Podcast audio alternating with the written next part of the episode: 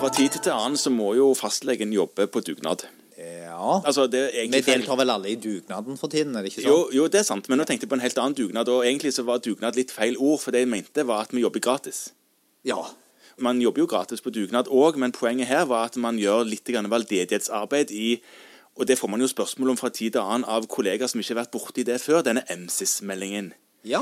Hva takst skal man bruke når man følger ut og sender inn MSIS-meldingen? Og Det korte svaret på det, og det har vi vel snakket om før, vi òg, Er ingen. nettopp, Ja. er ingen. Ja.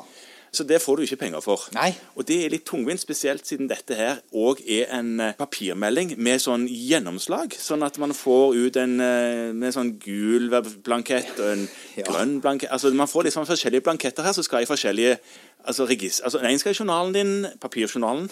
En skal sendes til kommunelegen. ja, og en skal av gårde til MCS. MSIS. Ja. Og da er det jo sånn at hvis du har vært så velsignet å ta en prøve som har medført en eller annen allmennfarlig smittsom sykdom, som står på den listen som vi har snakket om, ja. så får du jo ofte en papirkopi fra laboratoriet, fra det mikrobiologiske laboratoriet, av prøvesvaret, med en sånn fint sånn MC-skjema vedhefta. Ja, vær så god, dette må du fylle ut og sende inn. Og den meldingen er jo ikke alltid helt rett fram, for du skal si hvor vedkommende er født hen, og om det er en arbeidsreise en bus- altså, Det er litt sånn forskjellige spørsmål der som noen ganger krever at du må ringe opp den eh, som du har tatt prøve av, og sp rett og slett stille spørsmål. Ja. Nå er det jo sånn da at heldigvis er mange av de vi sender sånne meldinger på, er våre listepasienter. Ja, Så du vet om litt. Du kan en del. Ja. Men så har det kommet en forenkling her. Ja, det var det, for det var det jeg skulle fram til nå, at eh, nå er verden blitt litt grann lettere. At du får ikke fortsatt en- et rødt øre for det. Nei, men nå er det mulig for leger å sende inn MCIS-rapporter som noe som heter en klinikermelding. Ja, Eh, Og det kan man gjøre ved å gå inn på en nettside. Den kan vi jo linke til hvis vi Vi kommer på det. gjør det, og for de som har utrolig god hukommelse, så heter den da klinikermelding.fhi.no. Ja, Det klarer man jo kanskje å huske. Ja. Til og med, Men hva, hva er det du finner der? Der finner man et e-skjema. Et e-skjema. Ja. Et elektronisk skjema. Så Det første man må gjøre, er at man må faktisk logge seg inn med en sikker innlogging. Enten bank-ID eller bypasskort eller lignende. Og sitter du på kontoret ditt, så har du jo ofte det lett tilgjengelig. Ja. Og da kommer du inn på en sikker side der de på en måte da sier at nå, nå er det deg som er inne og skriver her. ja, Så da slipper du kanskje å signere, da? Ja. Er det andre ting som gjør det lettere? Og så må du da fylle inn, og der ligger det et MC-skjema. Og det ser jo i en litt egentlig ganske fin utgave ut som det der flotte gjennomslagspapiret. Ja. eh, Som du har fått. Ja. Eh, Og da må du fylle inn. Og da er det, i hvert fall gangen jeg har prøvd det, så er det sånn at hvis du har fullt personnummer, ja på pasienten? Ja, så Ja. henter den da opp adresse osv. Navn og, navn og sånt? Navn og adresse. Og så må du fylle inn hvilken sykdom det gjelder. og Da er det faktisk en sånn flott sånn pull-dommeny, sånn at de smittsomme sykdommene som da er meldepliktige, Ja. de ligger da i Så en finner, liste. finner du ikke sykdommen der, så s- trenger du ikke sende en heller. da, da var det feil. Da var det feil, ja. Ja. Og så må du da ta stilling til en del av disse kryssene.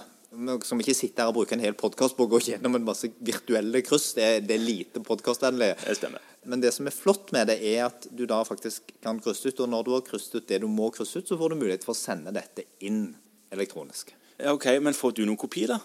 Ja, det, det genereres en PDF-kopi som du kan laste ned. Så det Ja. du da kan gjøre for å dokumentere at du har gjort det du skal gjøre og Hvis du har litt sånn manglende tiltro til elektroniske systemer, så kan du da enten skrive ut denne, eller du kan på en måte bare overføre det PDF-dokumentet til journalen til pasienten. Ja, Inni et eller annet dokument? Ja, der må du Ja. se på hvordan systemet ditt håndterer dette. Ja.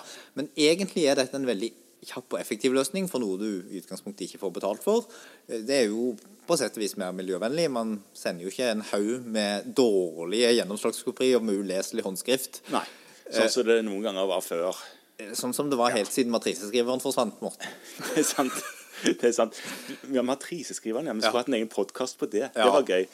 Ehm, Men- det er en til som skal ha meldinger her, egentlig. Ja, kommunelegen Ja. skal ha melding. Og eh, sånn som det ser ut, så får de da melding i det systemet fordi at bostedskommunen kommer opp. Ok. Ja. Mm. Så den meldingen skal gå elektronisk. Eh. Men dersom du har en kopi i journalen din, så har du den å gi dersom det skulle komme snakk om at Uansett. Ja.